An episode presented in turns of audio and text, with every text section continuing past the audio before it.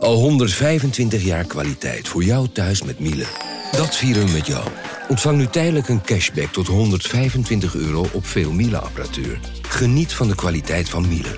Voor perfect verzorgd wasgoed en kleding die veel langer mooi blijft. Voor een stralend schone vaat, even perfect als jouw diners.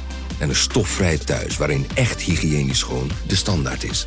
Check miele.nl voor alle feestelijke aanbiedingen. Hey podcastluisteraar. Ook op zoek naar een relevante invulling van je schaarse luisteruren? Tune dan in op de podcastserie ESG, even samengevat van BNP Paribas.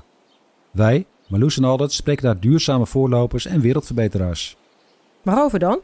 Nou, bijvoorbeeld of we ooit duurzaam kunnen gaan vliegen. En waarom koeien in de stad nou een goed idee is? Dat en meer elke twee weken in een nieuwe aflevering. Dus abonneer je. ESG, even samengevat.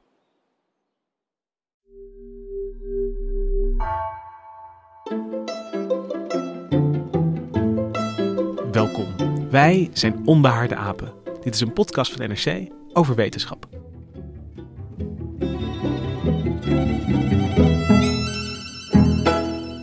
Gelukkig nieuwjaar, lieve luisteraar. Wij zijn nog steeds in winterslaap.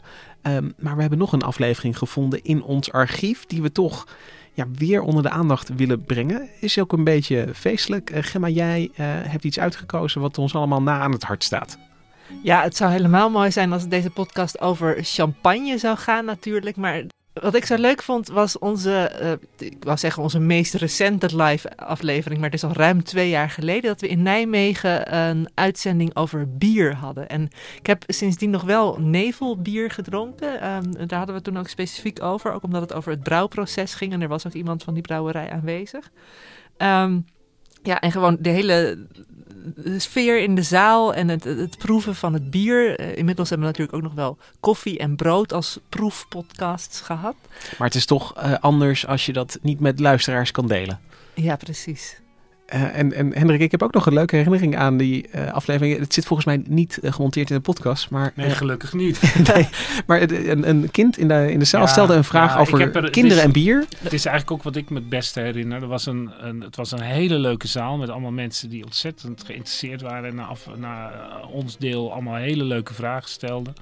En er was op een gegeven moment was er ook een kind, ik denk van een jaar of twaalf of tien en die stelde een vraag, volgens mij was het over of kinderen ook bier dronken. En ik zat op dat moment net aan iets te denken wat ik eigenlijk ook nog had willen vertellen.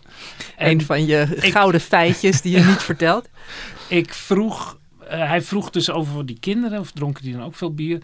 En toen knalde er een heel verhaal in over de economie van bier en wat er allemaal veranderd was. En, en dat had wel iets met die kinderen te maken, maar ik, ik ik realiseerde me eigenlijk pas uh, dat het een kindervraag was toen Gemma me te hulp schoot en uh, heel vriendelijk tegen het jongetje begon te praten. Maar misschien voelde hij zich door jou gewoon eindelijk wel goed serieus genomen. Dat, dat kan uh, ik hoop dat hij sindsdien nog luistert. Dus hoi als je hierin herkent. Ja, en laat het vooral ook bekend zijn dat we het heel erg missen dat we geen live shows meer ja. kunnen doen. En, en zodra dat, dat, dat weer een, een beetje kan, dan, dan hebben we oh. alle voornemens om dat, dat ja, weer op te pakken. Suggesties misschien, ja. als mensen leuke tips hebben. Zeker. Champagne vind ik nog steeds een leuk idee ook dan, maar... Uh... Ja, maar dat uh, moet misschien nog even duren. En in de tussentijd hebben we dus deze aflevering voor jullie klaarstaan over gerstenat, over bier.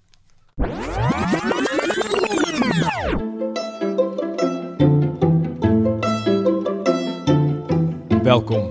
Wij zijn Onbehaarde Apen. Dit is een podcast van NRC over wetenschap.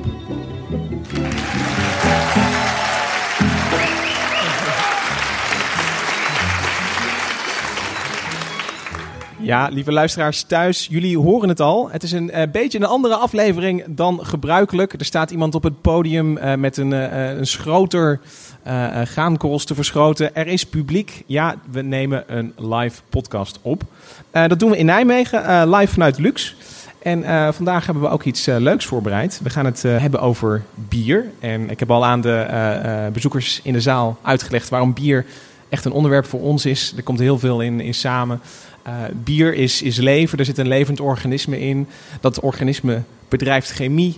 Uh, er is ook een, een biercultuur en een uh, lange geschiedenis voor bier. En daarom zitten hier ook twee mensen aan tafel die daar van alles over weten. Ik heb hier Bart uh, Funnekotter, redacteur geschiedenis bij NRC. Gro een groot bierliefhebber, toch? Ehm, ja, maar altijd met mate. Altijd met mate. Ja. Ja. heel verstandig. En aan tafel zit ook Hendrik Spiering, Hallo. eh mediavist, redacteur menselijk gedrag. Wat is er menselijker dan bier drinken? Wijn drinken.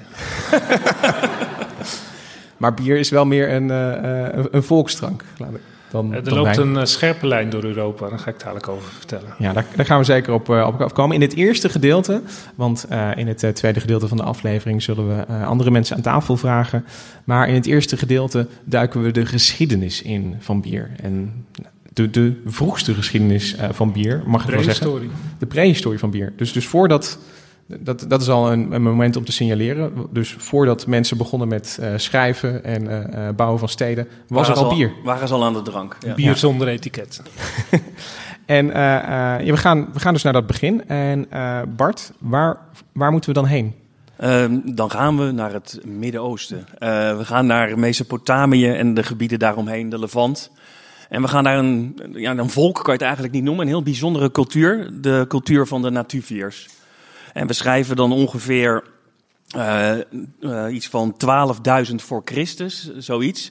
Dan zijn er al mensen die niet meer zoals alle andere jager-verzamelaars rondtrekken achter hun, eh, achter hun, hun, prooi aan en achter hun besjes aan. Maar die ehm, op één plek al gaan wonen. En dat doen ze in een soort van grotten.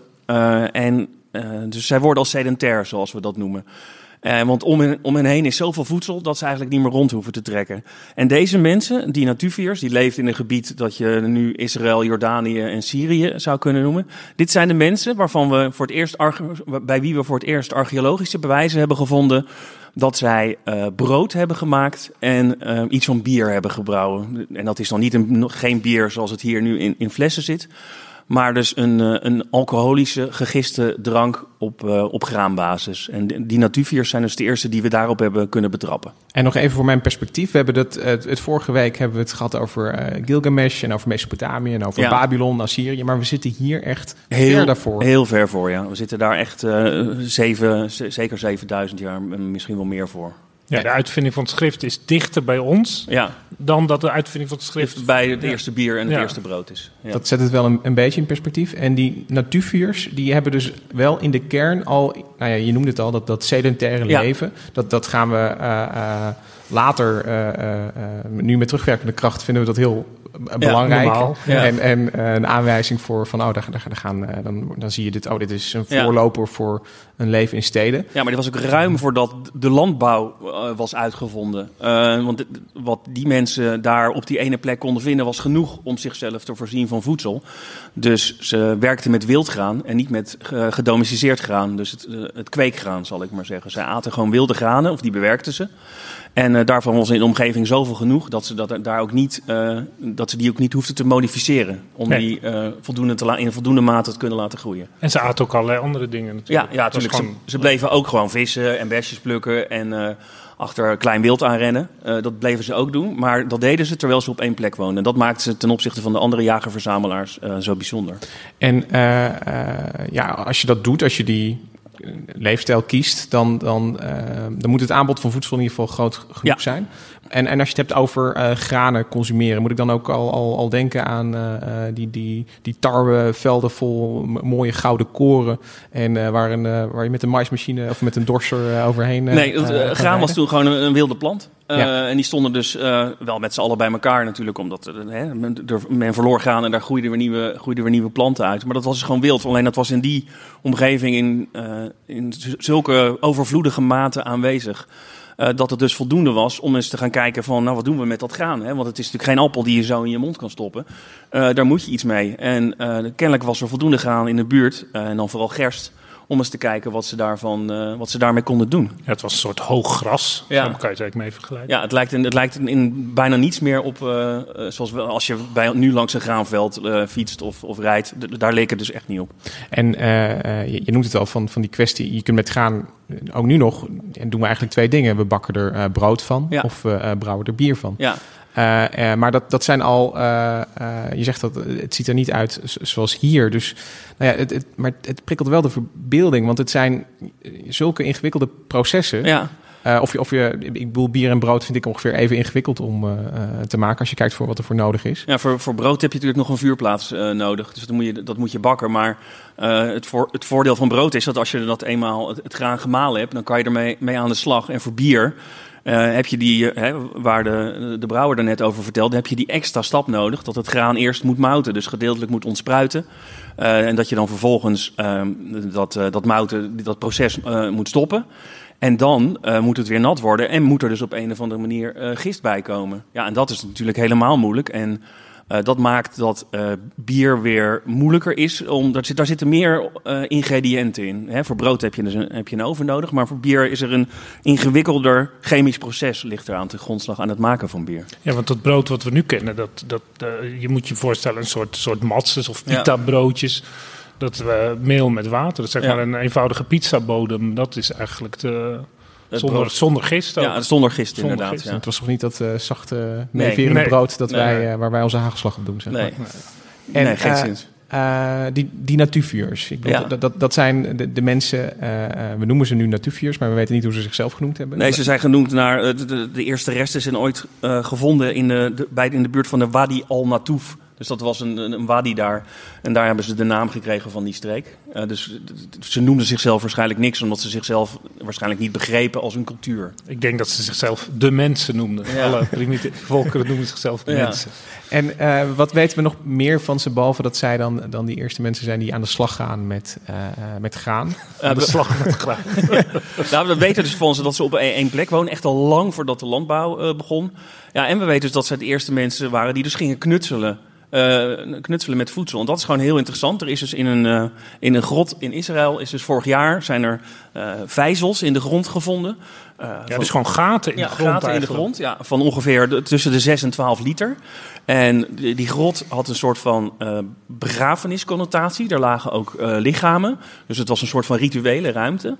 En onderzoekers zijn er dus in geslaagd om in die vijzels, in die gaten in de grond, om daar dus eh graanresten, gerstresten eh, aan, te, aan te vinden. En waarvan onder de microscoop eh, bleek dat die een proces van mouting hadden ondergaan. En het lijkt er dus op dat in die begrafenisgrot, of, of hoe, hoe we dat dan ook precies moeten zien, dat weten we niet, dat daar dus ook bier eh, gebrouwen en gemaakt is. En dat, en dat is wel een belangrijke stap, dat het eh gemout is. Want eh, Ja. gemout graan heb je niet nodig voor brood. Voor brood, Nee, nee. liever niet. nee. Maar het is die eerste stap die, die alle bezoekers hier... En dat Ja, vertel ik even aan de luisteraars Ja, thuis. klopt. de bezoekers hier hebben een, een, een moutdrankje hebben een gekregen. moutdrank, ja. Dus, die- dus, dus een soort natuurvies, een, eh, een natuurvies een oerdrank, begrafenisdrank. ja, ja. Proost. Alleen de, de grote vraag is dus. eh, hoe is daar gist bij gekomen? Want tegenwoordig hè, eh, gieten, we dat, eh, eh, gieten we dat erbij. En dat kon toen niet. Het kan dus op twee manieren zijn gebeurd. Het kan dus door eh, insecten eh, die het aan hun pootjes hadden en die, die erin zijn geland. Dus eh, een soort van eh, lucht, eh, luchtgist. En, maar wat waarschijnlijker is, is omdat mensen al veel langer wisten dat als fruit eh, rot, eh, dan krijg je op een gegeven moment ook alcoholvorming daarin. Dus eh, eh, gist zit al op fruit, op de schil. Dus het is waarschijnlijker dat daar eh, fruit of honing is ingegooid. Want honing gist ook vanzelf alleen al als je er, wa- eh, eh, als je er water bij doet. Dus er is waarschijnlijk fruit of honing bij die gersten, dat gerstendrankje gegooid. Om de gist in opgang te, te brengen en er dus alcohol in te krijgen. Dus als je zo'n een, een beetje moutthee hebt en, en je, je maakt het al wat lekkerder door, Ja. door de honing bij te doen, dan, dan Ja, zit je eigenlijk al... Dat, dat kan hij thuis gewoon doen, inderdaad. Dus een moutthee en een schep een beetje honing erbij. En dat even laten staan. En dan begint zich al, begint zich al eh, ethanol te vormen. Met, met de, voor mensen met een goede weerstand is dit een tip. Ja. Ja, ja, ja. Dat En, is de eh, eenvoudigste manier van drank maken. en- honing met water. En, en je hebt het over, eh, over Israël gehad, maar er is nog een, een plek die, die belangrijk is als het gaat om bier en het ontstaan van bier. Ja, en, en vooral als het gaat om te begrijpen hoe drank in, die, in der tijd werd gebruikt, zo heel lang geleden. En dat is een. eh, de beroemdste plek is een plek in Turkije, die heet Göbekli Tepe. En daar is een soort van heel groot eh, tempelcomplex. En dat tempelcomplex dat heeft is ongeveer gebruik geweest van 10.000 tot 8.000 eh, voor Christus. En dat is echt fantastisch als je dat ziet. Het is nu grotendeels blootgelegd door Duitse archeologen. En met allemaal grote pilaren met enge dierenhoofden erop en ondergrondse gangen. En daar zijn dus 2000 jaar lang kwamen mensen daar bij elkaar om feest te vieren. En om rituelen met elkaar door te lopen. Waarschijnlijk ook om andere mensen te offeren. Dus hun eh, idee van feest was iets anders dan wij eh, dat tegenwoordig hebben. Eh, want daar zijn allemaal plaatjes te zien dat, an- dat mensen met een, een, een mensenhoofd onder hun arm lopen of zo. Dus Dat is ook afgebeeld. ja, dat is ook afgebeeld. Dus er was al sprake van iets van een doodscultus. Eh, maar goed, er werd dus ook heel veel, eh, heel veel gegeten eh, en gedronken. En de theorie van de belangrijkste Duitse archeoloog die daar gewerkt heeft, dat was omdat daar elke, elk jaar, of in ieder geval op in regelmatige periodes, grote feesten werden gehouden, moest je natuurlijk zeker weten dat er genoeg te eten en te drinken voor iedereen was. En dat dat een zetje kan zijn geweest om graan en dieren te domesticeren, zodat er in ieder geval altijd te eten en te drinken was. Nu is het helaas zo dat dat de theorie is en dat het archeologisch-chemisch bewijs daarvoor nog niet gevonden is. We hebben wel heel veel, er zijn broodkruimels gevonden, botten van, afgekloven botten van dieren, maar dat zijn allemaal nog de wilde soorten. En het moment dat het dus overgaat naar domesticeerd, dat is dus inderdaad rond die 8000 jaar eh, eh, voor Christus. En dat is ook het moment eh, dat die Göbekli Tepe site eh, een beetje verlaten begint te worden. Ja, maar je hebt dus een soort een, een tempelcomplex in een tijd waarin er eigenlijk alleen maar jagers-verzamelaars zijn. Ja. Die dus... eh, En nog de- geen goden zoals wij eh, goden begrijpen, maar op een heel ander soort Ja, goden. ja die, en, maar ook, ze vinden daar dus ook graankorrels uit allerlei soorten en allerlei maten. Ja, het wordt, wordt ook wel eens gezien als een groot informatie-uitwisselingssysteem. Ja. Waarin dus natuurviers uit het hele Midden-Oosten komen kijken. komen. Wat, eh, wat doe jij nou met die graankorrels? Het is ook, omdat er namelijk nog geen landbouw is. Nee, Het is is echt Prehistorisch een- kenniscentrum Tarwe, zeg Ja, maar. het Ja. is het, ja, Ja, maar er het zijn wel bedrijfschap tarwe voordat het er was. Er ja. zijn wel 7000 eh, t- tools gevonden, dus gereedschappen, dus vijzels en mortieren. Eh, dat is allemaal wel gevonden, maar dus eh, frustrerend genoeg geen, geen eh, vuurplaatsen waar het brood gebakken is. En ze zijn nu op dit moment bezig met het analyseren van de binnenkant van een soort mengvaten. En de, de hoop is dus dat daar dus inderdaad restanten van bier of een soort van mixdrank van bier, honing en vruchten wordt aangetroffen. Maar er klinkt nou een soort teleurstelling bij jou. eh, Nee, nee, dit maar is, het is, het is, het is iets om daaruit, ja, het is iets om Nee, te zien. Maar het is onvoorstelbaar dat er überhaupt zo'n centrum is. Want van tevoren Ja, eh, zou je dat niet van tevoren hebben bedacht. Dat er een soort centrum zou Nee, zijn en geweest. voor de duidelijkheid, om even de perspectief te plaatsen. Het is 8000 jaar ouder dan Stonehenge. Dus het is echt een hele oude, heel oud tempelcomplex. Maar het, het is wel een, een, de oudste tempel. Eh, Ja. eh, het is ook niet evident een plek waar mensen gewoond hebben, Nee, toch? niet. Nee, dat Nee, is, maar we noemen het een tempel omdat wij zoiets een tempel noemen. Ja. En we hebben het, het, het was een tijd dat er nog geen tempels waren. Dus we weten gewoon niet hoe dat toen precies gebruikt is. En eh, Er stond ook wel het soort afbeeldingen van dieren die... eh, later in tempels zou ja, verwachten. en vroeger op soort van metafysische rotstekeningen zag. Dus je je Ja, kan het nee, zien als een soort van overgangsding tussen, de, tussen inderdaad rots en, en, en tempel.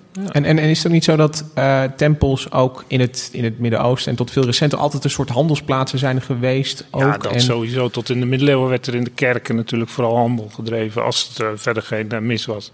Nee, dus, dus, dus dat je een plek hebt waar en een soort economische bedrijvigheid is en kennisuitwisseling, om het maar zo even Ja, te dat zeggen. denk, en, dat is mijn rituelen. basistheorie eigenlijk. Dus- Dat dus- het een, eh, Maar het, is een levendige plek geweest. ja, het moet een enorm statussymbool zijn geweest. Eh, er waren wel wat, wat stenen hutjes, maar als je zoiets hebt... En ik vind het nog wel jammer dat, dat we zo weinig van ze weten. Ze, ze hebben die afbeeldingen gemaakt. En eh, ze- je zegt al van, van daar, daarop worden ook mensenoffers afgebeeld. Ja. Maar, maar weten we daar nog iets? Ja, we weten, dat het, we weten dat het een plek was voor rituelen. En die hebben natuurlijk vaak te maken met eh, vruchtbaarheid. En, eh, en dus inderdaad eh, bidden om een goede oogst en een eh, overvloedige Maar er was nog geen oogst. Nee, maar bidden om voldoende voedsel, inderdaad. Ja, zie je, ik val, Ja, ik ja, ja, val automatisch ja, ja, ja. In, eh, in dat soort termen. Er was nog geen oogst. Bidden om voldoende eten, inderdaad. En eh, dat er mag, eh, mooie kuddes op hun pad mochten komen. Maar, dus het, het, in de allervroegste religies waren rituele religies. En niet zozeer eh, metafysische religies. Waarin gesproken werd met een, eh, een, een morele god, zal ik maar zeggen. En als we dan even terug naar het, eh, het bier gaan. Want er wordt, de, de landbouw is er nog niet. En misschien kunnen we daar even Ja. naar, naartoe. Hoe dat, eh, eh, want je zit dus met aan de ene kant sedentaire jagers-verzamelaars... Die, eh, die wel complexen bouwen... eh, die bezig zijn met graan. Maar we hebben nog geen landbouw. Ja, de, als je kijkt naar de geschiedenis van de theorieën over het ontstaan van de landbouw, dan zie je dat in, in eh, laten we zeggen, de alpha-gamma-wereld. Bij, in, de, in de beta begin je meestal met hele complexe processen en dan eindig je met een hele eenvoudige formule. In de alpha-gamma begin je meestal met een heel eenvoudig idee. En dat wordt dan steeds ingewikkelder. Want het, het, het oudste idee, zoals in sommige basisscholen denk ik ook nog wel onderwezen wordt, is dat eh, mensen ineens, mensen, jagers, verzamelaars, ineens zagen dat dat graan groeide en dat ze dat eigenlijk wel konden eten en dat het toevallig eh, een graankorrel in het vuur viel. En, en dat soort theorieën, ja, dat zou in theorie kunnen, maar dat maakt het ook, eh, als je het grotere kader bekijkt, dat er dus 10.000 jaar voor Christus, of eigenlijk 10.000 jaar geleden, 8.000 jaar voor Christus, ontstaat er in China de eerste landbouw, in het Midden-Oosten. Iets later ontstaat het ook in, eh, in Midden-Amerika. Je hebt ook nog een, een, een gebied in uh, Papua-Nieuw-Guinea, waar ook een heel ander soort landbouw uh, weer ontstaat. Allemaal zo in die periode 8000 jaar geleden. Wat is daar gebeurd? Hoe is dat gekomen? Dat is niet een, een genie die uh, van China naar het Midden-Oosten reisde en dan doortrok naar Midden-Amerika om zijn, om zijn, uh, zijn, uh, zijn waar aan de, aan de man te brengen. Daar zijn algemene factoren geweest en een van de allerbelangrijkste is ook het verschil met de honderdduizenden jaren daarvoor. Is dat er eigenlijk een stabiel klimaat ontstond. Want die, die ijstijd, die, er was het sowieso te koud. Maar je hebt daarvoor ook nog, terwijl er ook al mensen waren, genoeg gelegenheid gehad. Maar het waren hele instabiele uh, interglaciale, waarin het voortdurend veranderde. Terwijl het bijzondere van ons uh, uh, klimaatperiode, ja, we zitten nu met een ander probleem, maken we ook nog zo'n podcast over. maar in ieder geval, het is een heel stabiel, stabiel klimaat. En, en, en ja, je hebt het over zo'n genie die ineens het, het, inzicht van de landbouw heeft. Maar als ik, als ik gewoon iets meer denk in, in processen. Stel je, je bent een, een club die, die, die verzamelt wildgraan. Op een gegeven moment heb je ook wel door naar welk veldje je elk jaar terug nou, moet gaan dus om heel, te halen. Ja, dat is heel interessant. Maar waarom zou je dat dan gaan uh, zaaien? Waarom zou je daar moe, extra moeite voor gaan nou, doen? Op een gegeven moment haal je een ander plantje een keertje weg. En dan heb je toch ook wat werk in, in dat veldje gestoken. En dan zeg je op een gegeven moment, nou dat, dat veldje is van mij. Nou, er is iets heel interessants met die natuurviers, wat, wat Bart ook al zei dat uh, voordat ze, dus in de, in de ijstijd, was het daar ook al goed toe. Want bijvoorbeeld uh, 20.000 jaar geleden hebben ze ook al graankorrels gevonden die daar gegeten werden. En er, is ook, er zijn ook uh, dorpen met stenen huizen en zo van, van 13, 14.000 jaar oud gevonden. Ja, het is allemaal niet gigantisch, maar het is toch wel heel bijzonder dat er echt een, en begraafplaatsen. En dan aan het einde van de ijstijd wordt het beter weer. En dan wordt het allemaal nog rijker. En dan krijg je een, een, een, het jongere Drias heet dat. Dat is een uh, hele interessante tijd dat het ineens een stuk kouder wordt. En wat opvalt is dat die natuurviers dan weer... Ja, die, dan is het te koud om, om hun rijke sedentaire leven te leiden. Maar bijvoorbeeld de begraafplaatsen blijven gebruikt worden. En het lijkt haast alsof ze een soort herinnering hadden aan die oude tijd... dat ze uh, in, in dorpen woonden. En wat je dan ziet is dat ze dan, als het maar even kan... gelijk weer in die dorpen gaan wonen... En het idee is nu, want er was bijvoorbeeld het idee dat het zo dat uh, het Midden-Oosten droog werd. En dan, uh, dat is de oase-theorie. En dat al die mensen in een oase kwamen. En toen wel iets moesten bedenken om aan eten te komen. Maar uh, de, dus dat het een soort dwang was. Maar nu is zeg maar de standaardtheorie. En de nieuwe vondsten kunnen daar natuurlijk altijd iets aan veranderen. Is dat die natuurvis in hun welvarende dorpen eigenlijk naar middelen zochten om uh, uh, houdbaar eten te vinden. Want uh, als je kijkt naar. Want we hebben het nu altijd over graan, maar er is een heel, wat heet dan het neolithische pakket, wat je zeg maar in je winkelwagentje had dan. Dat was, waren allerlei soorten van tarwe, eenkorn, emmer, maar ook erten, linzen, uh, bittere wikken, waar ik eigenlijk nooit goed weet wat het is, maar dat wordt altijd genoemd. Uh, kikkererwten. En, uh, en, en lijnzaad, waar heel veel, en, en vlas, waar heel veel olie uit te winnen is. En geiten en schapen. En dat heeft allemaal gemeenschappelijk dat het hele goede voorraadvorming is. Waardoor je dus in goede tijden kunt verzamelen. En in slechte tijden kijk je in je schuur en daar ligt nog een zak graan. En zo, dat is dan eigenlijk de wens om dat te verbeteren. En dan ontstaat de, gewoon door pure slimheid. Want we kunnen ons geen voorstelling maken hoeveel die mensen wisten van de natuur om hen heen. Dat is een, een boswachter, boswachter is of een bioloog is er echt niks bij. Want die mensen waren volkomen daarvan afhankelijk en hadden ook verder niks anders te doen. We gaan even een, een, een sprongetje maken van, van ja. de landbouw af. En, uh, want, want ja, toch met, met, met alle respect voor de natuurviers. Uh, het beeld wat, wat ik nu van ze heb is dat ze dus die, die, ja, die, die, die mout, uh, gaan, thee hadden, daar uh, misschien gist aan toevoegden. Ja. Maar we zijn nog niet echt bij, bij bier. En als we dan een, een kleine sprong in de tijd maken en, en we blijven in Mesopotamië, ja. dan, uh, dan, dan kom je uh, in een tijd waar bier wel al echt onderdeel is van de cultuur. Ja, zelfs in zoverre dat er in de eerste bekende wetgeving zoals we die kennen. De, de wetten van Hammurabi, eh, koning van Babylon. Dan zitten we dus in een totaal Ja, ja. andere tijd. Dan heb- 1800, 1800 voor Christus. Dus dan hebben we echt een enorme sprong in de tijd Ja. gemaakt. Nu eh. zijn we bijna de geschiedenis al binnengekomen. Ja, we zijn er Dit gezien. is eigenlijk onze tijd. Als je Ja. bij de Natufius bent, dan is Hammurabi is van ja, ons. want dat is de tijd van het schrift al. En omdat we dus het schrift hebben, weten we dus ook dat er dus kennelijk al een soort van voedsel- en warenwet was. En die is, is dus vastgelegd gedeeltelijk in de code van Hammurabi. En daar gaat er heel specifiek over dat als je eh, een kroeg ingaat en je krijgt eh, van een vrouwelijke eh, kroeghouder, het waren altijd vrouwelijke caféhoudsters, eh, krijg je te weinig bier voor je geld, dan eh, heb je het recht om haar vervolgens in de rivier te gooien. Dus dat is, dat, de, de Codex Hammurabi is tijd, als er dit gebeurt, dan dat. Als er dit gebeurt, dan dat. En hier is het dus, als u te weinig bier krijgt van de tavernehoudster, dan mag u haar in de rivier gooien. Dus bier was toen inderdaad echt wel een ding dat heel serieus werd. Het leidde ook onmiddellijk tot ruzie ook. En, eh, en het aardige is, omdat eh, we zitten dan inmiddels ook in de tijd, de, de natuurviers hadden nog, deden nog niet aan pottenbakken. Eh, maar in de tijd van de Babyloniërs werd er al lang, eh, werden lang potten gebakken. En uit die tijd zijn dus ook heel veel eh, kelken en bekers overgeleverd. En die kunnen we dus chemisch analyseren op moleculair niveau. En kunnen we heel precies zien wat welke mensen waar dronken.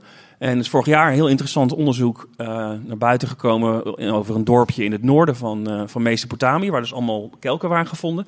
En tot verbazing van de onderzoekers had daar dus alleen maar bier in gezeten en er waren dus geen wijnkelken.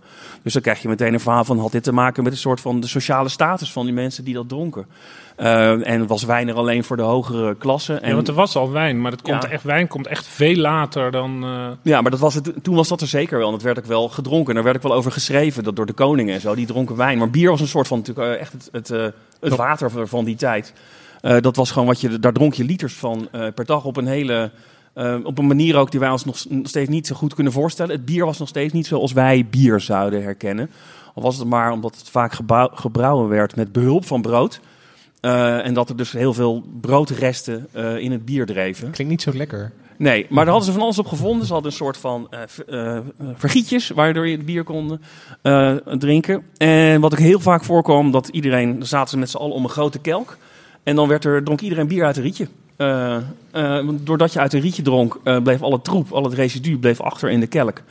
En eh, zo kreeg je toch lekker de drank eh, binnen. er was een strootje dan. Ja, het was een strootje inderdaad. Letterlijk een stukje riet. Ja, letterlijk een stukje riet. En inderdaad. eh, nee, goed, ik moet het meteen denken aan het verhaal dat je dan sneller dronken zou worden. Maar kunnen we iets zeggen over het alcoholpercentages? nee, dat is niet waar. Nee, nee dit laag alcoholisch. Laag alcohol. Ja, 4, 5 procent maximaal eh, was dat. Eh, Dus daar kon je ook lekker van doordrinken. Eh, Zeker als je natuurlijk gewend, gewend was om dat bier je standaard drank was. Dan duurde het een tijdje voor je, voor je dronken was. En het interessante vind ik wel is dat het zo'n onderdeel van de cultuur is dat er inderdaad wetgeving eh, rond gebaseerd wordt. Ja, zeker. Dat het echt heel belangrijk was. Ja. En eh, die, die, eh, verhouding tussen, tussen bier en, en wijn als toch bier volksdrank en, en wijn voor de elite. Ik, ik zeg het nog een keertje, Hendrik, maar jij gaat me op een gegeven moment eh, ja, ik weet niet of dat toen al zo was, maar ik denk wel dat je die. eh, ik denk dat het duurder was om wijn te maken dan om eh, bier te maken. Want er was meer graan en er was ook oud brood, kon je dan eh, bier van maken. Terwijl wijn, die druiven, dat is een- natuurlijk een, een veel grotere investering eh, om al die, die, die wijngaarden te maken. Maar is het dan niet per definitie zo dat, dat omdat je veel meer moeite steekt in het, in het maken van wijn en, en veel meer arbeidskracht voor minder drank, dat, dat, een, een, dat het een soort een andere status Nou, krijgt in, in een dan, maatschappij? dan springen we, springen we gelijk eh, vooruit. Omdat eh, interessant is dus dat bier in het Midden-Oosten is ontstaan. Maar eigenlijk, als je kijkt naar de Griekse en de Romeinse cultuur. eh, niet, daar is de wijn zo veel aanwezig dat bier eigenlijk een beetje weggedrukt wordt omdat men vond wijn gewoon lekkerder en het was om, om, om als, als voor een gezellige avond was het ook goed te betalen. Dus eh, je hebt dan ook die, die aangelengde wijnen van de Romeinen. Er is ook een, in de literatuur enorme strijd of de Grieken nu echt een hekel hadden aan bier. En eh, je hebt ook eh, dat de Romeinen vaak over, dat is, ook, dat is dan eh, zeker als je bijvoorbeeld naar Suske en Wiskus kijkt en eh, überhaupt de, de populaire cultuur, een totaal idee dat je en Obelix? Asterix en Obelix ook, maar Suske en Wiske ook. Die hebben ook heel veel eh, over de oude Galliërs. Oh, die hebben een tijdmachine natuurlijk. Ja, hey. Eh, ik, zit, ik zit namelijk aan één specifieke Suske en Wiske te denken. Die, ehm, dat de, dat de, eh, de Germanen en de Galliërs alleen maar bier dronken. Maar dat, ja, dat, dat, dat, dat, alsof de, de werd in het zuiden ook wel bier gedronken, maar veel minder. En je krijgt eigenlijk een soort lijn die door eh, de wijnbouw eigenlijk wordt eh, eh, bepaald. Die hebben een bepaalde temperatuur nodig natuurlijk, hoeveel dat zonlicht. Daar boven die wijngrens wordt er bier gedronken, omdat dat, ja, dat is het enige wat. En, en mede die. die Dat zie je nu, nu nog wel een beetje terug ja. in het Europa. Ja, ja, zeker. Ik bedoel, in, in bier- en wijnculturen. En het is, het, het, het is dus eigenlijk eh, verder over de wereld niet enorm verspreid. In China hebben ze weer andere dranken. Alle, de bier, bier is eigenlijk met de kolonisatoren over de wereld eh, gegaan. Er is bijvoorbeeld een beroemde Duitse eh, bierbrouwer die zich in 1903 in eh, China heeft gevestigd. Dat is dat bier wat je bij de Chinees eh, kan krijgen. Dat is Chinees bier, Ja. dan tussen aanhalingstekens. Ja. Maar er En- is, een- er is een, een, een belangrijke stap gezet in de middeleeuwen met bier. En dat eh, wou jij misschien iets... Ja, dat, dat, dat, vroeg ik me af, want in, in de middeleeuwen zien we dat, dat allerlei industrietjes een soort ja, professionaliseren met, met gildes en die, die zich organiseren en, en kennis gaan overdragen aan elkaar. Gebeurt dat ook met bier? Ja, er is, er is natuurlijk de, wat, wat in de literatuur de grote middeleeuwse watermythe heet. Dat de mensen alleen maar bier dronken omdat het water eh, te smerig was. En dat is echt een mythe. En dat ze dus ook permanent dronken waren. Dat dus in de middeleeuwen iedereen Vandaar alleen maar er bier... zo weinig- Van 's morgens al begon met bier en... eh, Vandaar dat ze niet aan wetenschap toekwamen. Nee, en dat ze eh, ook. ja. Je kunt je ook afvragen hoe ze ooit die hoge kathedralen hebben gebouwd als ze zo dronken waren. Of eh, die complexe middeleeuwse filosofie hebben kunnen bedenken terwijl ze Lazarus waren. Maar als je nadenkt, dan. dan eh, dat bier was eh, zwak, eh 2 à 5 procent. 5 was al veel, denk ik. En het was ook niet zo dat ze geen enkel idee van schoon water hadden. Dus ze wisten ook dat je water moest koken als, het erg, eh, als je het niet vertrouwde. Dus dat viel wel mee. Maar er was wel een grote liefhebberij voor. eh Ze lusten er wel eentje. bier. Ja. Als je dus, je ziet dus dat er een, na het Romeinse Rijk, moet je voor ogen houden dat natuurlijk waar het kon, werd wijn gedronken. Naast water werd altijd water gedronken. En, maar in, de, in Duitsland en Nederland en Engeland, dat zijn dan echt de klassieke biergebieden. Werd er in de, middel, in de vroege middeleeuwen, dus zeg maar tot, laten we zeggen tot 1100, werd er gewoon thuis in boerengebieden, iedereen maakte gewoon zijn eigen bier. Was gewoon, dat werd dan in een schuur zelf bier gemaakt. En dat was dus heel wisselend van kwaliteit. En eh, er was, waren ook geen middelen om dat eh, op grote schaal te doen. Kloosters en paleizen hadden wel, die hadden hun eigen keuken en die maakten dan natuurlijk op iets grotere schaal eh, bier. Maar wat je ziet in de, in de 11e eeuw, dan komen er meer steden en dan worden de huizen kleiner. En dan ontstaan de eerste brouwerijen. Echt Een stadsbrouwerij. ja, ja, ook vaak stadsbrouwerij, want die was ook nauw verbonden met het bestuur van de stad, omdat bier een van de eh, producten was waar je makkelijk belasting op kon heffen. Want als je het iets duurder maakte, kochten mensen het ook wel. Ja. Is een soort gegarandeerde afname. Ja, er was, en dus er is een hele nauwe band tussen die brouwerijen en het stadsbestuur, omdat eh, er was ook een, een, het, het bier was ook heel anders. En dat is de grote laat-middeleeuwse bierrevolutie. Daarvoor werd bier gebrouwen eh, met, met graan, werd dan vermouwd, precies als het, als het later ook wordt gedaan. Maar voor, voor de smaak werd er gruit aan toegevoegd.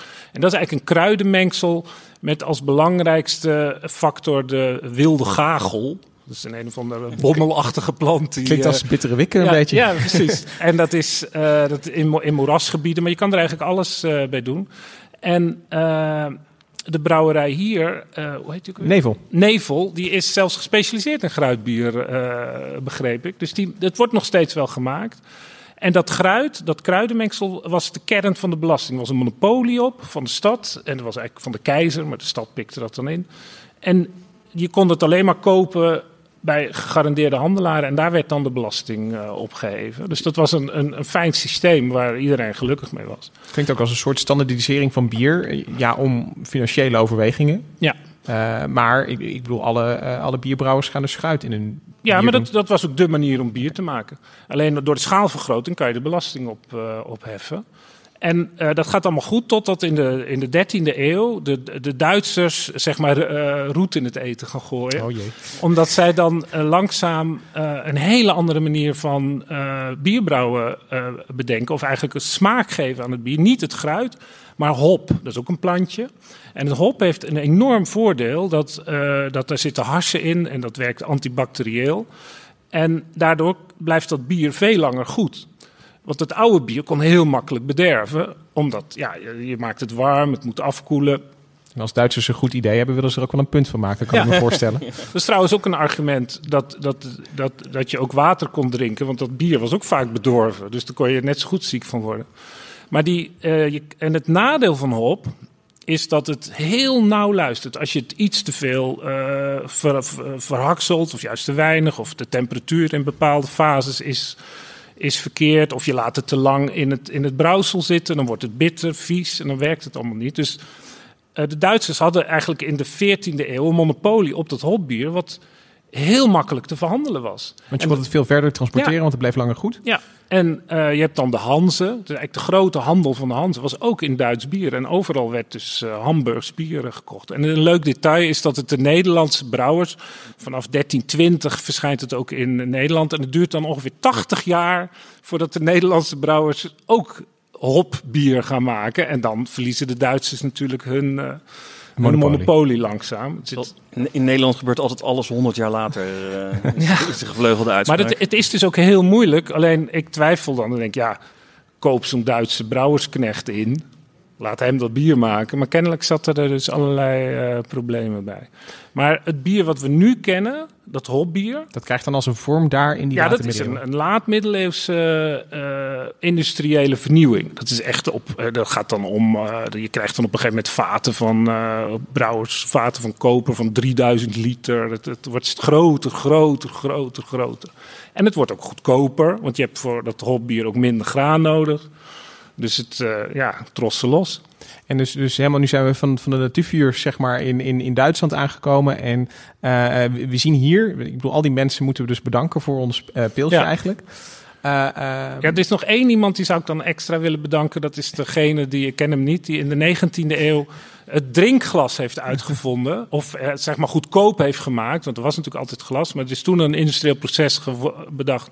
Waardoor het veel goedkoper was voor de massa. En toen pas werd het bier helder. Dan ontstaat de pils eigenlijk. Omdat mensen ineens dachten, god wat een smerige drank. Als je zo'n kommetje hebt, dan zie je dat natuurlijk niet. Oké, nu zijn we in de 19e eeuw eh, eh, aangekomen. En dan, eh, dan ga ik afscheid van jullie nemen. En, want, want, en dat is wel een interessant moment trouwens. Ik wil het nog, nog wel wat groter maken eigenlijk. Want tot, tot die late middeleeuwen. kan ik wel zeggen dat het, dat het brouwen een, een intuïtief proces was. Mensen wisten heel goed wat, wat, wat ze deden. Maar begrijpen zoals onze brouwer Vincent van Nevel het begrijpt, deden ze nog niet. Het was natuurlijk toch een soort vorm van magie. Want je wist, de, de, de, de- de- waardoor het gisten, ja. Je, je wist dat het gebeurde. En ook je wist bijvoorbeeld als je op een bepaald plek je vat neerzette, dan kwam er kennelijk gist uit de, uit, de- uit de vliering naar beneden vallen. En dan wist je dat daardoor de gisting op gang kwam. Maar het, het had iets, eh, iets van alchemie inderdaad. Je gooit van alles in een ketel en dan komt uiteindelijk Ja, dat goud er dan- uit. En dat er dan ineens cellige is, dat, dat eh, hadden ze geen idee van. Nee, maar daar gaan we het in de tweede tafel over, eh, over hebben. Dus ik ga jullie eh, eh, bedanken. En, eh, dat, Nou, neem een flesje mee. Ja. Dan gaan we nu naar het, eh, tweede gedeelte. En eh, daarvoor wil ik aan tafel vragen Bastiaan Nachtegaal, de man die bier kent van haver tot wort. Eh, bierredacteur van NRC? Ja.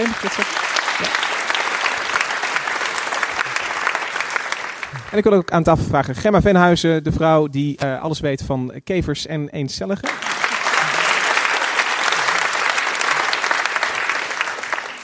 Ja, en nu is dus gelukt wat er nog nooit eerder in onbehaarde aap is gebeurd. We hebben een, een tafelwissel gehad en alles is goed gegaan. Een uniek moment is iedereen hier getuige van. Ja. Ja, en eh, Bastiaan, jij, hebt, eh, jij zit hier omdat jij... ik denk dat bij NRC ben jij degene die het meeste weet van, van bier. Dat mag ik toch wel zeggen. Als, je- als jij dat zegt. Ja, dat, Ja, dat is mijn ik- inschatting. Dat is mijn inschatting. Ja. En daarom heb jij ook een, eh, een, een belangrijke rol hier. Zeker nu we wat meer eh, eh, de biologie en, en, en chemie en het, eh, het brouwproces zelf, het moderne industriële brouwproces gaan induiken. Eh, maar daarvoor moeten we beginnen bij, eh, eh, bij gist. En eh, eh, we, we hebben het al gehoord, dat, dat, dat gist moest op een of andere manier dat, dat drankje van die natuurvuurs zijn ingekomen. Eh, maar eh, de, de mensen zelf hadden er geen weet van. Ja, Dus wie is gist? wie is gist eigenlijk? Ja. En dat wil ik aan jou vragen, Nou, ik heb ook wel een vraag aan de zaal. Mhm. Heeft iemand van jullie vroeger ooit wel eens Herman het vriendschapsbrood gebakken? Even vingers. Handen. Nou, ik zie toch wel zeker de halve zaal steekt zijn eh, hand de lucht in. Dat was een, een, een levend gistdeeg, kreeg je dan. En dan zat er een eh, gebruiksaanwijzing bij. Dag 2, Herman heeft honger. Geef hem eh, krenten te eten enzovoort. En op dag 10 moest je Herman uiteindelijk in de oven stoppen. En dan had je een heerlijk brood. Maar dat was voor mij voor de eerste keer dat ik dacht van... hey, er zit iets levens in. Gist is iets dat, dat, dat leeft, dat blijkbaar ook nodig is bij het eh, maken van brood. En dus ook bij bier, al kwam ik daar pas veel later achter. En ehm, gist is een schimmel. Een eencellige schimmel. Het klinkt niet zo lekker meteen. Schimmelbier heb je eigenlijk allemaal voor je. Ehm, maar schimmels zijn overal. Wij hebben ook schimmels eh, op ons lichaam. Eh, Candida is ook een schimmel. En er zijn iets van 1500 bekende schimmelsoorten in de natuur. En ehm, wat gist doet, gist voedt zichzelf met suiker, met glucose. En onder zuurstofrijke omstandigheden zet het die glucose om in eh, koolstofdioxide en in alcohol. Maar als die zuurstof wegvalt, dan zet gist alleen nog maar die glucose om in alcohol. En eh, dat proces heet fermentatie. En eigenlijk is het best wel gek, want het zou gunstiger zijn qua de, de energievoorziening voor gist als er koolstofdioxide werd omgezet. Want, die omzetting in alcohol is, is, je haalt er wel energie uit, maar het is niet de, de beste manier. Nee, om, het is een beetje onvolledig eigenlijk. Het is een vlug snacken van de suiker. En daar zijn heel veel theorieën over. Wetenschappers zijn er al tientallen jaren eh, over in gesprek. Waarom doet gist dat nou? En een van de theorieën is, we hoorden net al in deel 1 iets over eh, rottend fruit. En dat daar vaak ook gist op dat fruit zit. En ehm, het zou heel voordelig kunnen zijn als je gist bent, als je even verplaatst in die eencellige schimmel, om heel snel heel veel van dat fruit tot je te nemen. Dus je bent echt lekker snel aan het snacken. En in plaats van dat traag en volledig te doen, snij je zoveel eh, suiker als je kunt. En ja, Ik kan me ook wel voorstellen, want als, als fruit van, eh, van de boom valt, ik bedoel, in eerste instantie heeft het nog die, die schil eromheen. Die suikers zijn ook niet, weet je, de, het suikergehalte is ook nog niet optimaal.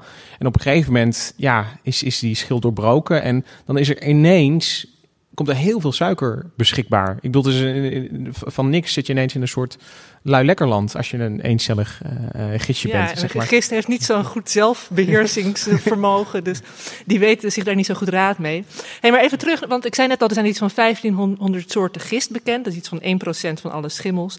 Maar ehm, één gist is het allerbekendst, is het allerbelangrijkst. Dat noemen we ook wel brouwers- of bakkersgist. En ehm, dat heet Saccharomyces cerevisiae, als ik het goed uitspreek. Dat klinkt heerlijk. Eh, ja, dus dat, dat is eigenlijk, als wij het over gist hebben, bier in gist, is dat heel vaak die Saccharomyces. Is nog een tweede andere Saccharomyces, dat is de Pastorianus. Nou, Bastiaan die zal me daar zo nog wel allemaal extra dingen over vertellen. En dan heb je ook nog een derde gist dat belangrijk is eh, bij het brouwen, en dat is wilde gist. En dat zijn eigenlijk verschillende soorten die samen tot de Brettanomyces soorten.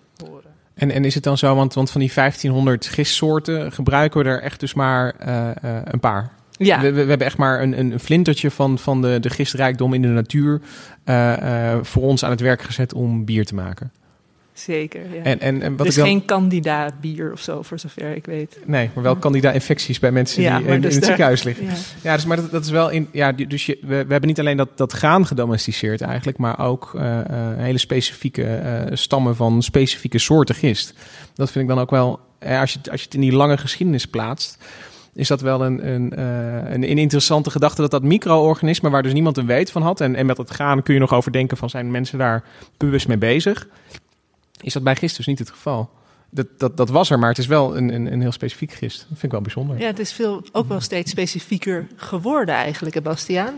Ja, en deels is dat ook wel gebeurd in die oude soorten bier. Omdat als je bier vergist, eh, zeker bovengistende soorten, dus met die bakker, bakkersgist, dan drijft dat gewoon op het bier. En dat kan je dan natuurlijk afscheppen. eh, dan kan je het drogen, dan kan je het bewaren. Of je kan het in een potje steken en het eh, ergens in een grot zetten. En dan kun je het doorgeven. En dan kan je het gewoon doorgeven. Je kan het gewoon hergebruiken eigenlijk. En is, is, is dat ook, je noemt het eh, even heel casual bovengistend gist, maar dat is, dat is gewoon dat het gaat drijven uiteindelijk. Ja. Dat is Ja, niets meer, niets minder. Ja, en heb ja. je dan ook beneden gisten bier? Ja, dat heet ondergistend bier. En dat is dus die Pastorianus waar je het net over had. Als jullie willen, we kunnen het proeven. Ik heb hier eh, een paar flesjes neergezet die allemaal een eigen eh, karakter hebben. Misschien moeten we even samenwerken. Ehm, er staat een Beiersbier bij.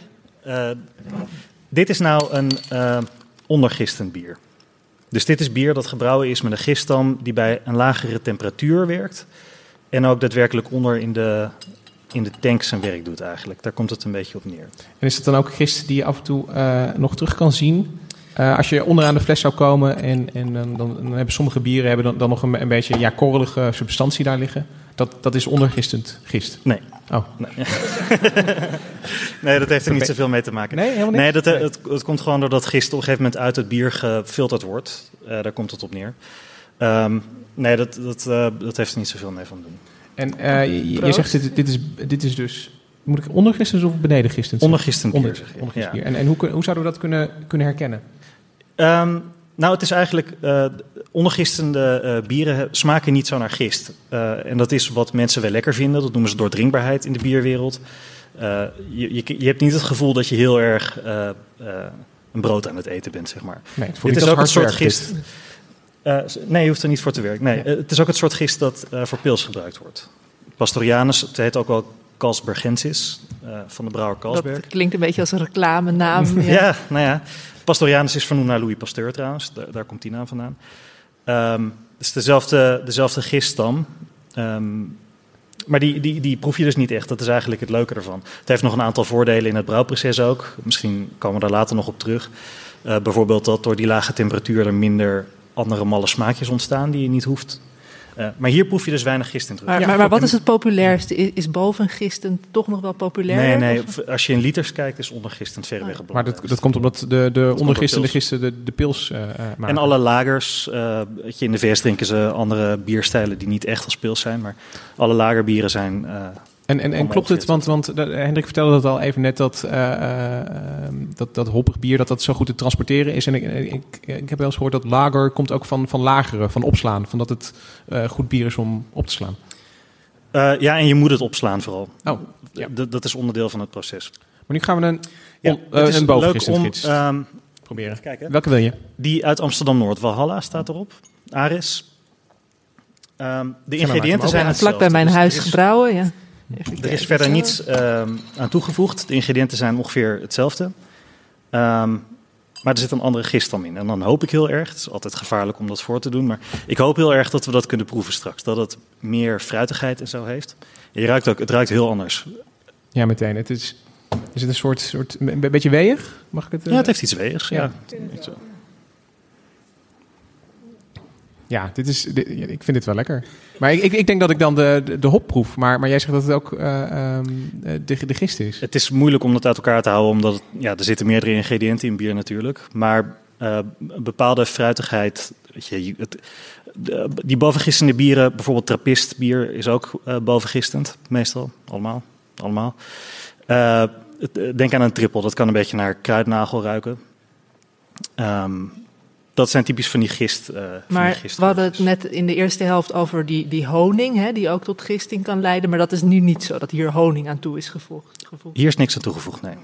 En, en dit dit zijn giststammen die door, door brouwers... eh, eh, want, want brouwers willen natuurlijk alles controleren, lijkt me. Ten- Tenzij je er een punt van maakt dat je dat juist heel wild bent als brouwer. Maar de meeste Ja. brouwers willen natuurlijk heel erg controleren. En hebben ze dan eh, eh, dat, dat bovengistend gist, dat, dat is makkelijk te, te verzamelen en door te geven. En ik kan me voorstellen dat je dan zo inderdaad echt een, ja, een, een te onderscheiden stam krijgt. En hoe zit het dan met die eh, ondergistende bieren? We zijn net gestopt een beetje halverwege de 19e eeuw. Ehm, dat was een hele belangrijke periode voor die ondergistende bieren, omdat toen werden allerlei dingen uitgevonden. Er werd eh, meetapparatuur bedacht, thermometers werden beter, je kon meten hoeveel suiker in die wort zit, dat, eh, die, die die we net hebben uitgedeeld. Ehm, en toen is ook een koelinstallatie uitgevonden. Ehm, en dat is een heel belangrijk moment geweest, omdat dat betekende dat die bieren ook naar het buitenland eh, gebracht konden worden en ook daar gemaakt konden worden. Want die ondergistende bieren hebben ook lagere temperaturen nodig.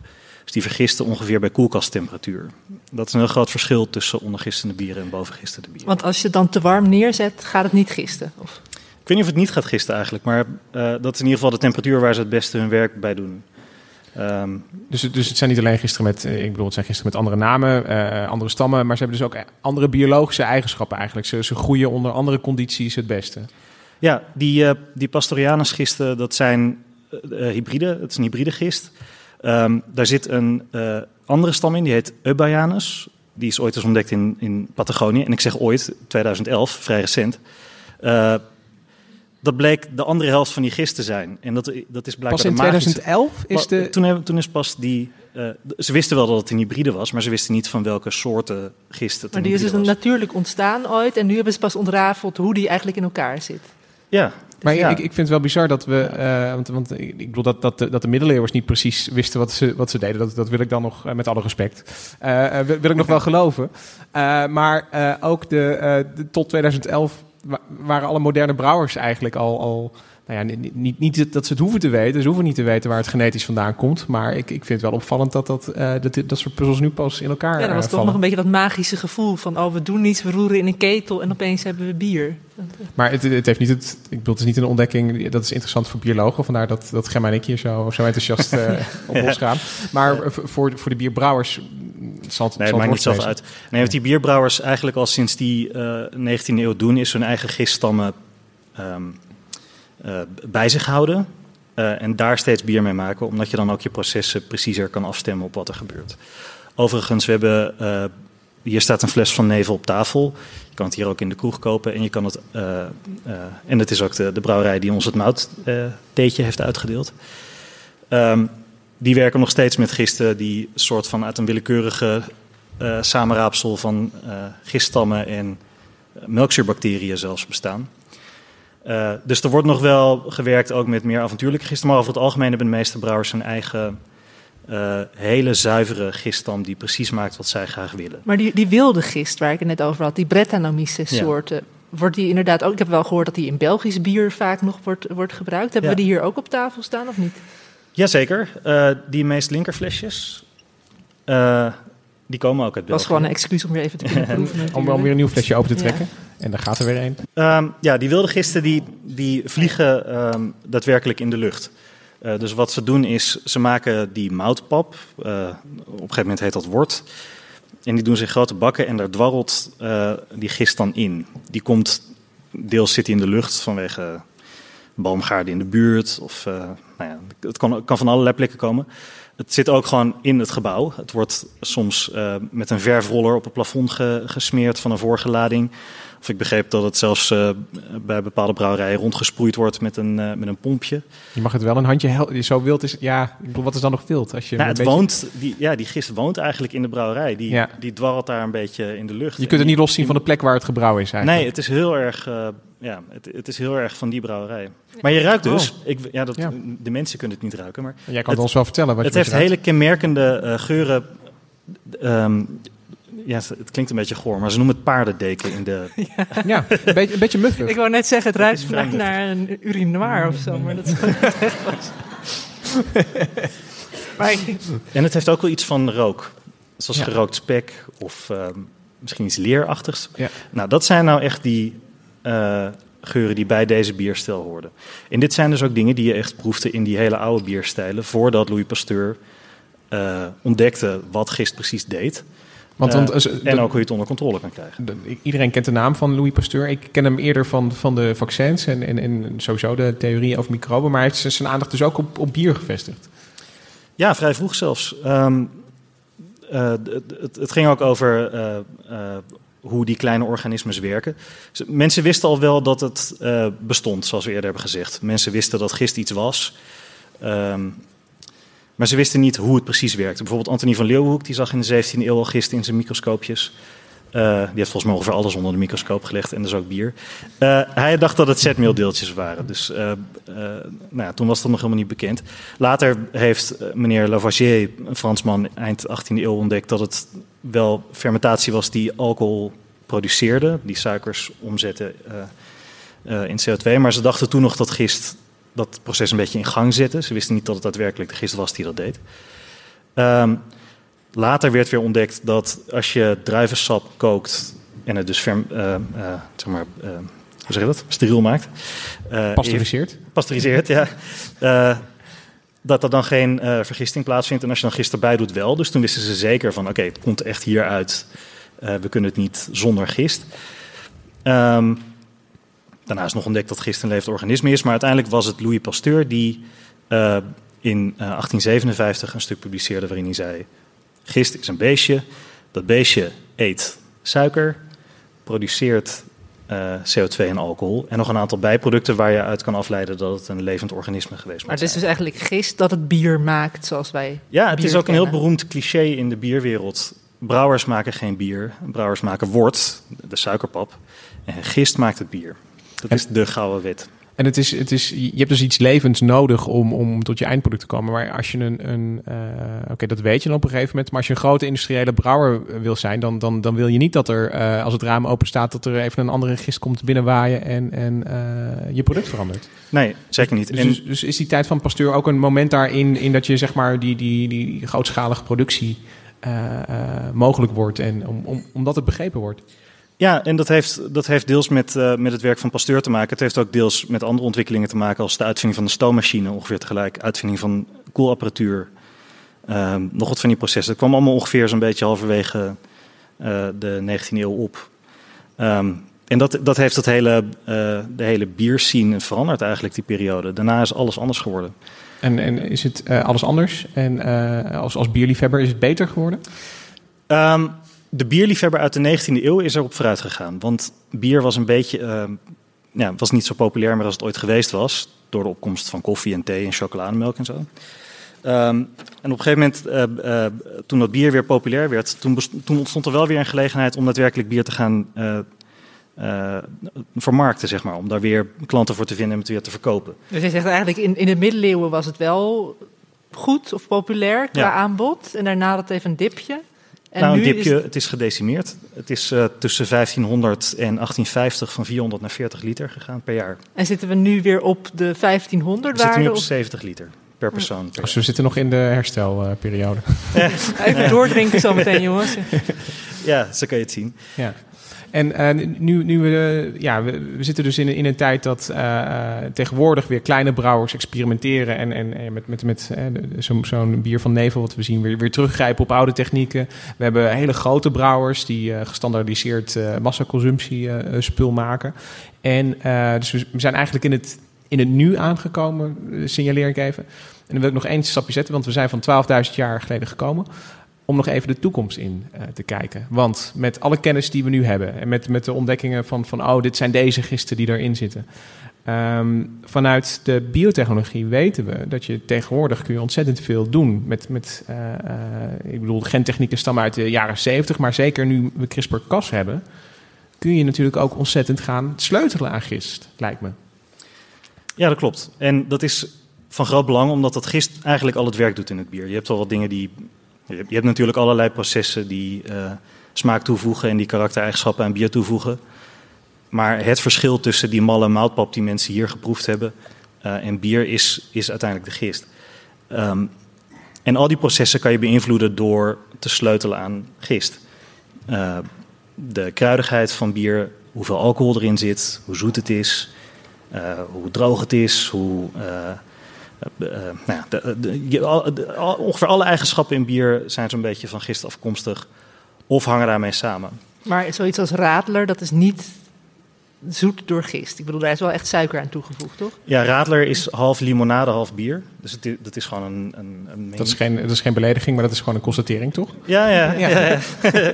Ja. Nee, dat, dat, eh, eh, eh, dat is hoe je dat maakt. Dat kan je ook gewoon thuis doen trouwens. Je hoeft het niet te kopen, tip. Maar eh, eh, wat bijvoorbeeld met CRISPR-Cas zou kunnen... het is een van de voorbeelden die ehm, eh, wetenschappers elkaar maar vertelden. Stel je doet grapefruit limonade door je bier... dan krijg je van die grapefruit radlers. Maar wat nou als je met CRISPR-Cas een stukje DNA uit grapefruit knipt... en je plakt het in gist... en je zorgt dat die gist naar grapefruit smaakt... kunnen we die limonade niet uit het recept gooien. En, mis- en, en misschien is het wel veel lekkerder als het uit die gist zelf zou komen. Ja, wie weet. Eh, ik, ik, Je moet zomaar dat in de praktijk je allerlei andere, uh, dat allerlei factoren een rol spelen in de smaak van grapefruit. Maar je kan in ieder geval veel preciezer uh, een bepaald doel bereiken als je in DNA gaat zitten knoeien, dan als je het met traditionele technieken doet. Zoals selectie van gistsoorten of um, kruisingen maken. Even een vraag tussendoor. Alcoholvrij bier, is dat gistloos bier? Of? Nee, het zijn, alcoholvrij bier is deels... Je, het, kan, het kan op twee manieren. Je kan bier maken waarbij bij de fermentatie minder alcohol vrijkomt. Je kan ook de alcohol eruit filteren. Uh, maar het is bijna onmogelijk om gist 0% alcohol te laten maken. Dat, gist kan dat eigenlijk niet. Ook niet zometeen met CRISPR-Cassen? Uh, de, de kenners die ik gesproken heb verwachten niet dat dat gaat lukken, nee. Maar ze kunnen wel... Je, je kan natuurlijk ook aan de hoeveelheid alcohol sleutelen. Bijvoorbeeld doordat je uh, meer smaak produceert. even die processen die uitgelegd werd is... het wordt een beetje technisch. Dat mag de, de verhouding. Uh, tijdens het brouwen ontstaan esters. En dat zijn uh, smakelijke stoffen. Je hebt ook esterases, die breken die esters weer af. Als je nou die esterases zou kunnen stilleggen, dan hoef je minder te fermenteren om dezelfde hoeveelheid smaak te krijgen. Dus dat zou natuurlijk zijn om minder alcohol in bier te krijgen. Doordat maar, je gewoon meer wel, smaak maakt. Maar nog wel smaakvol, want, Ja, de want smaak- de esters zitten er nog in. Ja, dat is het. Ja. Maar dus we, we zijn nu in een, in een wereld, eh, eh, voor, voor brouwers moet het een snoepwinkel zijn. Ik bedoel, je, je hoeft maar iets, iets, iets te bedenken en eh, je, je kan het uitvoeren tegenwoordig. Je, je gaat eh, wat winkelen bij de grapefruit, maar als je zin hebt in wortelbier, heb je dat ook zo voor elkaar. Je geeft het een kleurtje. Alles is mogelijk. Het is ook nog eens eh, zo dat eh, je kunt het gisteren ook weer uithalen. Dus het, we consumeren het niet. Dus mensen die bang zijn voor gentig voedsel hoeven in principe ook geen angst te hebben. Waar wachten we nog op? Ja, op de brouwers eigenlijk. En de brouwers zeggen op de consument. Consumenten zijn toch een beetje zenuwachtig over eh, genetische modificatie. Ehm, dit speelt trouwens niet alleen bij bier, dit, speelt bij allerlei, allerlei soorten voedsel en allerlei gewassen. Ehm, en brouwers durven dat gewoon niet aan. Ik heb eh, met AB InBev en met Heineken hierover gesproken. Twee hele grote brouwers natuurlijk en ook allebei actief in, de, eh, in het onderzoek naar, eh, naar dit soort technieken. Die, die slaan helemaal dicht als je ernaar vraagt. Die worden heel voorzichtig en die Beetje alleen maar schrift, schriftelijke reacties, weet je wel. Dat ze er met z'n allen over kunnen vergaderen, stel ik me zo voor. Ze- willen daar op dit moment niet mee geassocieerd worden, omdat ze bang zijn dat, dat consumenten afhaken. Daar komt het eigenlijk op neer. Ja. En wat ook denk ik wel een rol speelt, is het enorme ontzag dat brouwers hebben voor gist. Want het zijn een beetje diva's, die gistcellen. En ze hebben, zo hebben we gehoord, duizenden jaren voor hun diva's moeten zorgen. Dat hebben ze altijd met veel aandacht gedaan. Ze hebben het, het leven van hun diva's zo makkelijk mogelijk gemaakt. Ehm, en zo zijn ze tot recepten gekomen die lekker zijn en die werken. Eh, en ze hebben daar nog altijd grote bewondering voor. En dat is ook, daarom is het ook wel leuk dat we Nevel hier hebben. Want zij zijn hier heel erg avontuurlijk in. En misschien moeten we daarom die laatste fles ook even openmaken. Een heel goed idee. Zal ik Hier, nog, één fles niet je- geopend. Maar hier proef je allerlei giststammen door elkaar. Hier proef je allerlei soorten eh, gewassen. Eh, dit is wat brouwers eigenlijk heel erg leuk vinden. Om samen te werken met die natuur. Niet met de natuur in gevecht te gaan door met CRISPR-Cas het DNA aan te gaan passen. Eh, het klinkt een beetje net als, eh, weet ik veel, een boer wil ook niet zijn vee helemaal gaan versleutelen. Of mensen willen hun huisdieren. Het klinkt alsof de brouwers echt een band met gist hebben opgebouwd. Ja, maar, maar tegelijkertijd moet ik toch wel constateren dat we gist eh, al, al heel erg lang laten doen wat we willen. Dus het is ook een beetje een romantisch beeld misschien. Want weet je, de, de, de, de- er is natuurlijk weinig romantisch aan, aan, aan wat, wat, wat Heineken doet, zeg maar. Dus eh, Ik, ik denk dat Heineken er anders over denkt. ja, dat was ongetwijfeld. En deels is dat natuurlijk ook gewoon aan het zicht ontrokken. Hè? Ja. Eh, als ze eh, in een laboratorium gistcellen hebben uitgeselecteerd, dan hebben we daar niet zo'n last van.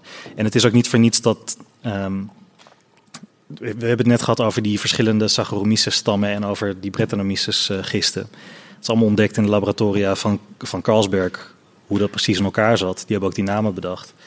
Ze zijn daar al heel lang mee bezig. Het is voor hen natuurlijk heel belangrijk. Maar die stap naar onnatuurlijk bierbrouwen, die durven ze gewoon niet aan. Daar komt het eigenlijk op neer. Omdat het in een lab gebeurt in plaats van... eh, Ja.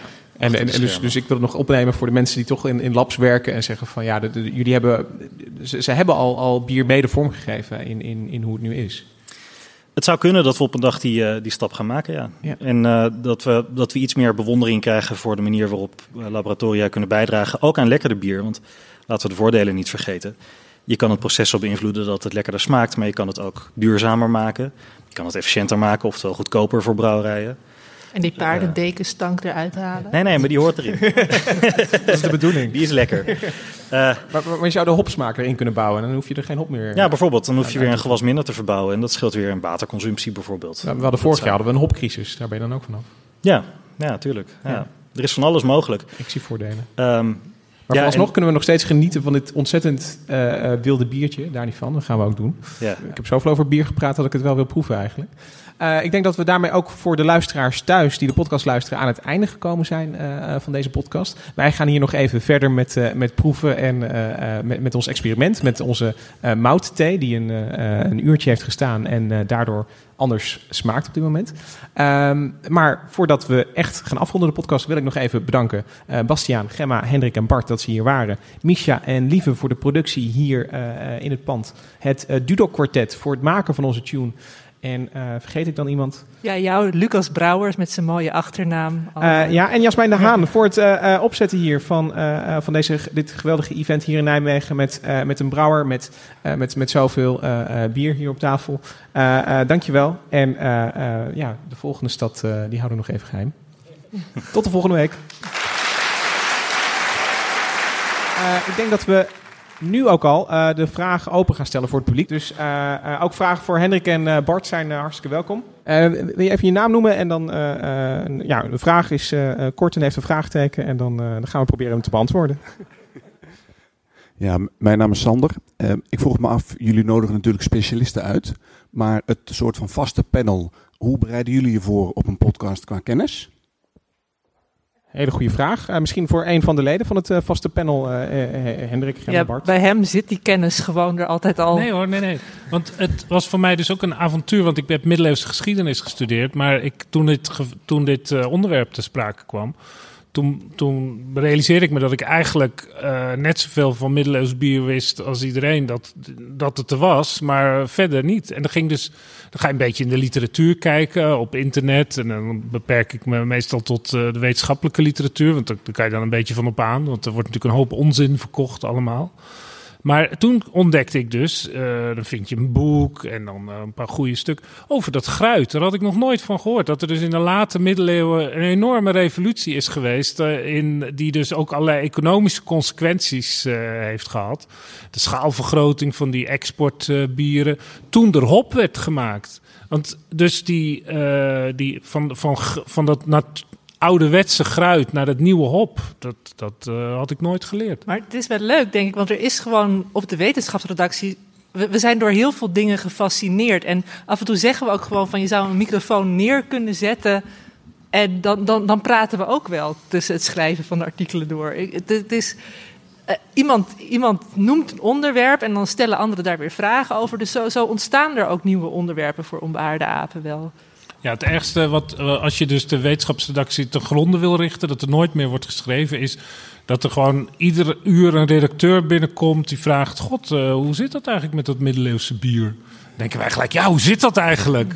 Dat is een soort eh, vraaggerichte mentaliteit. Ja, dus ook als er vanuit luisteraars, wij vinden het ook heel erg leuk als mensen eh, ons een Twitterberichtje sturen of zo met suggesties voor nieuwe podcast. De, de, de veel beluisterde aflevering over Genghis Khan bijvoorbeeld was eh, op verzoek eigenlijk van een, eh, van een luisteraar die, die eigenlijk gewoon vroeg van ja, inderdaad, niet, niet hoe zit het met dat bier, maar hoe zat het eigenlijk met Genghis Khan? En dat, ja, we weten altijd wel een beetje, maar eh, dat, is, dat is vaak dan het begin van, eh, eh, van een zoektocht. Eh, Ja, misschien is dat het verschil dat er altijd wel iemand op de wetenschapsredactie is die een beginnetje heeft.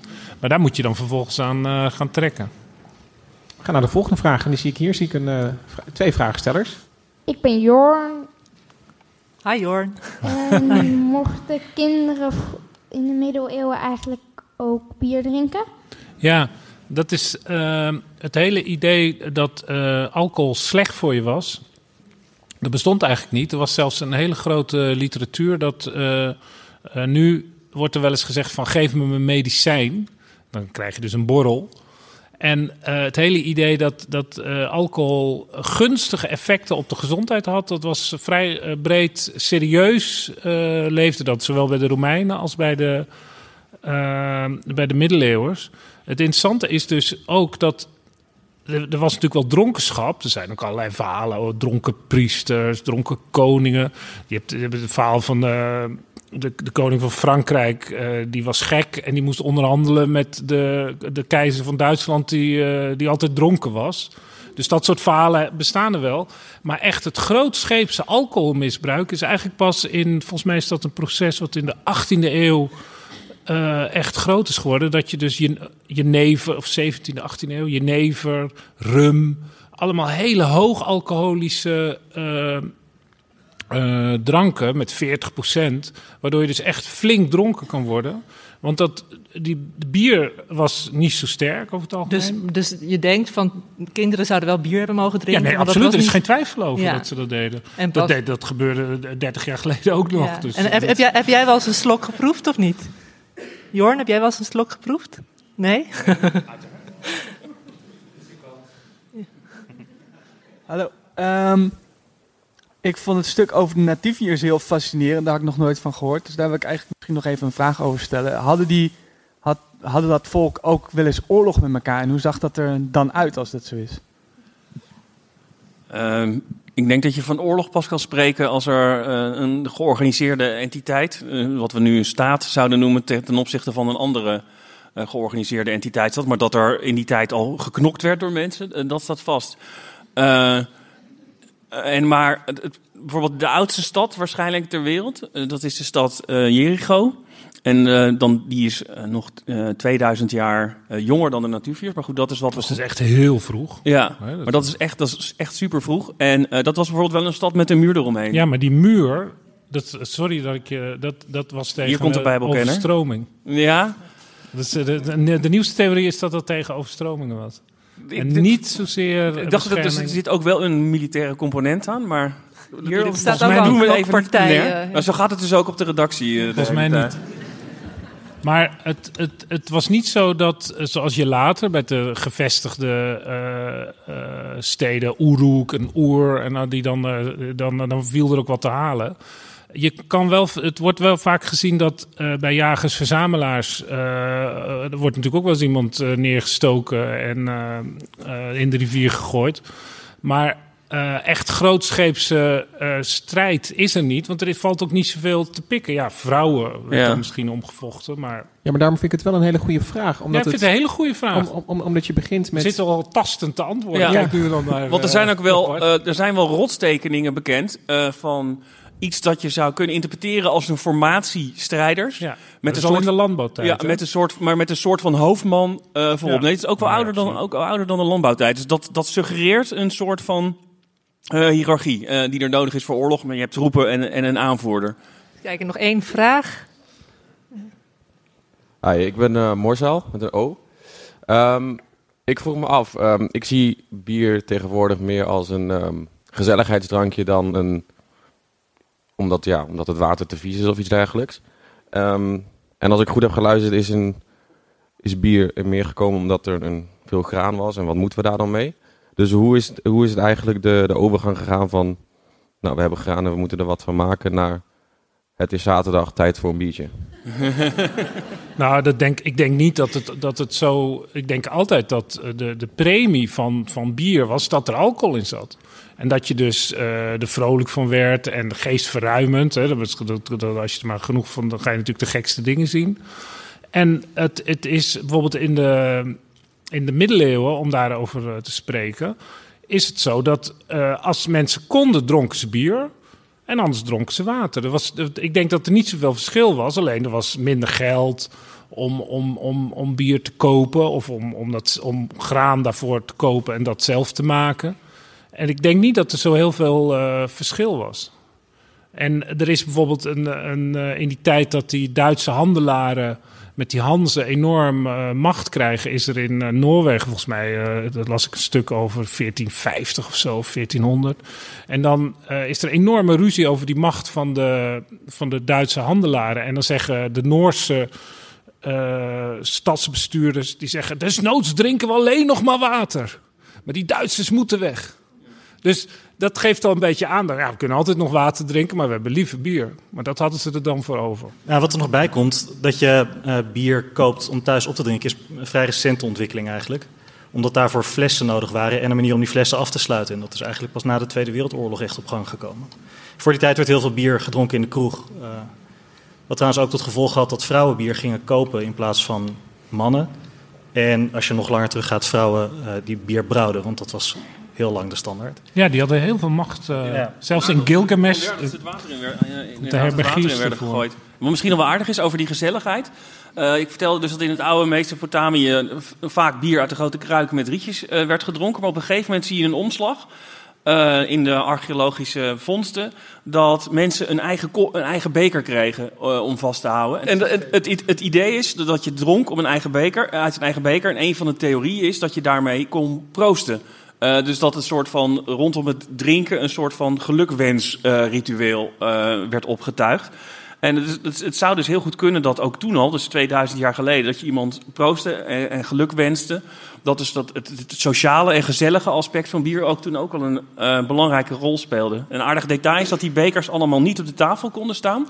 Dus die moest je of in je hand houden, of ze in één keer achterover slaan en dan kon je, kon je ze wegleggen. Maar rustig nippen van een biertje was er dus was er niet bij in die tijd. Ik kijk even naar de streng rechtvaardige producer Michel. Om, om te, nee, we hebben geen tijd meer voor verdere vragen. Maar om, om het helemaal, helemaal rond te maken wat er hier net gebeurde, weet je wel. Van trouwens, trouwens, trouwens. Al die zijpaden die worden ingeslagen. Zo wordt dus een, een podcast geboren bijna. Het is, het is uh, aan het einde van elke podcast is het ook zo dat uh, uh, terwijl iemand zegt... Ja, jammer dat ik niet over de schelpencrisis in, in de jaren dertig heb kunnen praten. Want er blijft altijd iets liggen.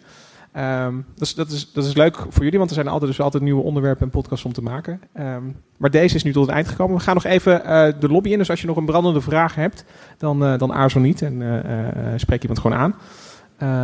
ja, ik denk dat we daarmee bij het eind zijn gekomen, toch? Ja, dank jullie wel.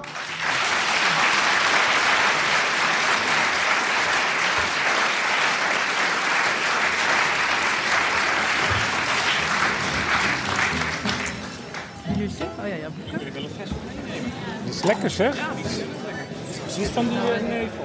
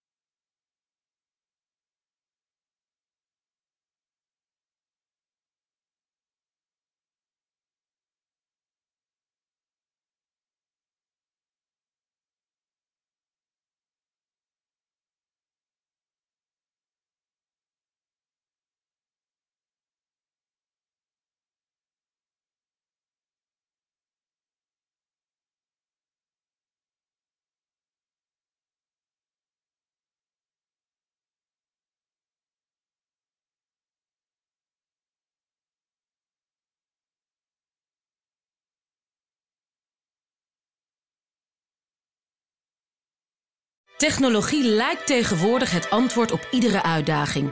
Bij PwC zien we dit anders. Als we de potentie van technologie willen benutten, kunnen we niet zonder een menselijk perspectief. Human-led, tech-powered noemen we dat. Ga naar pwc.nl.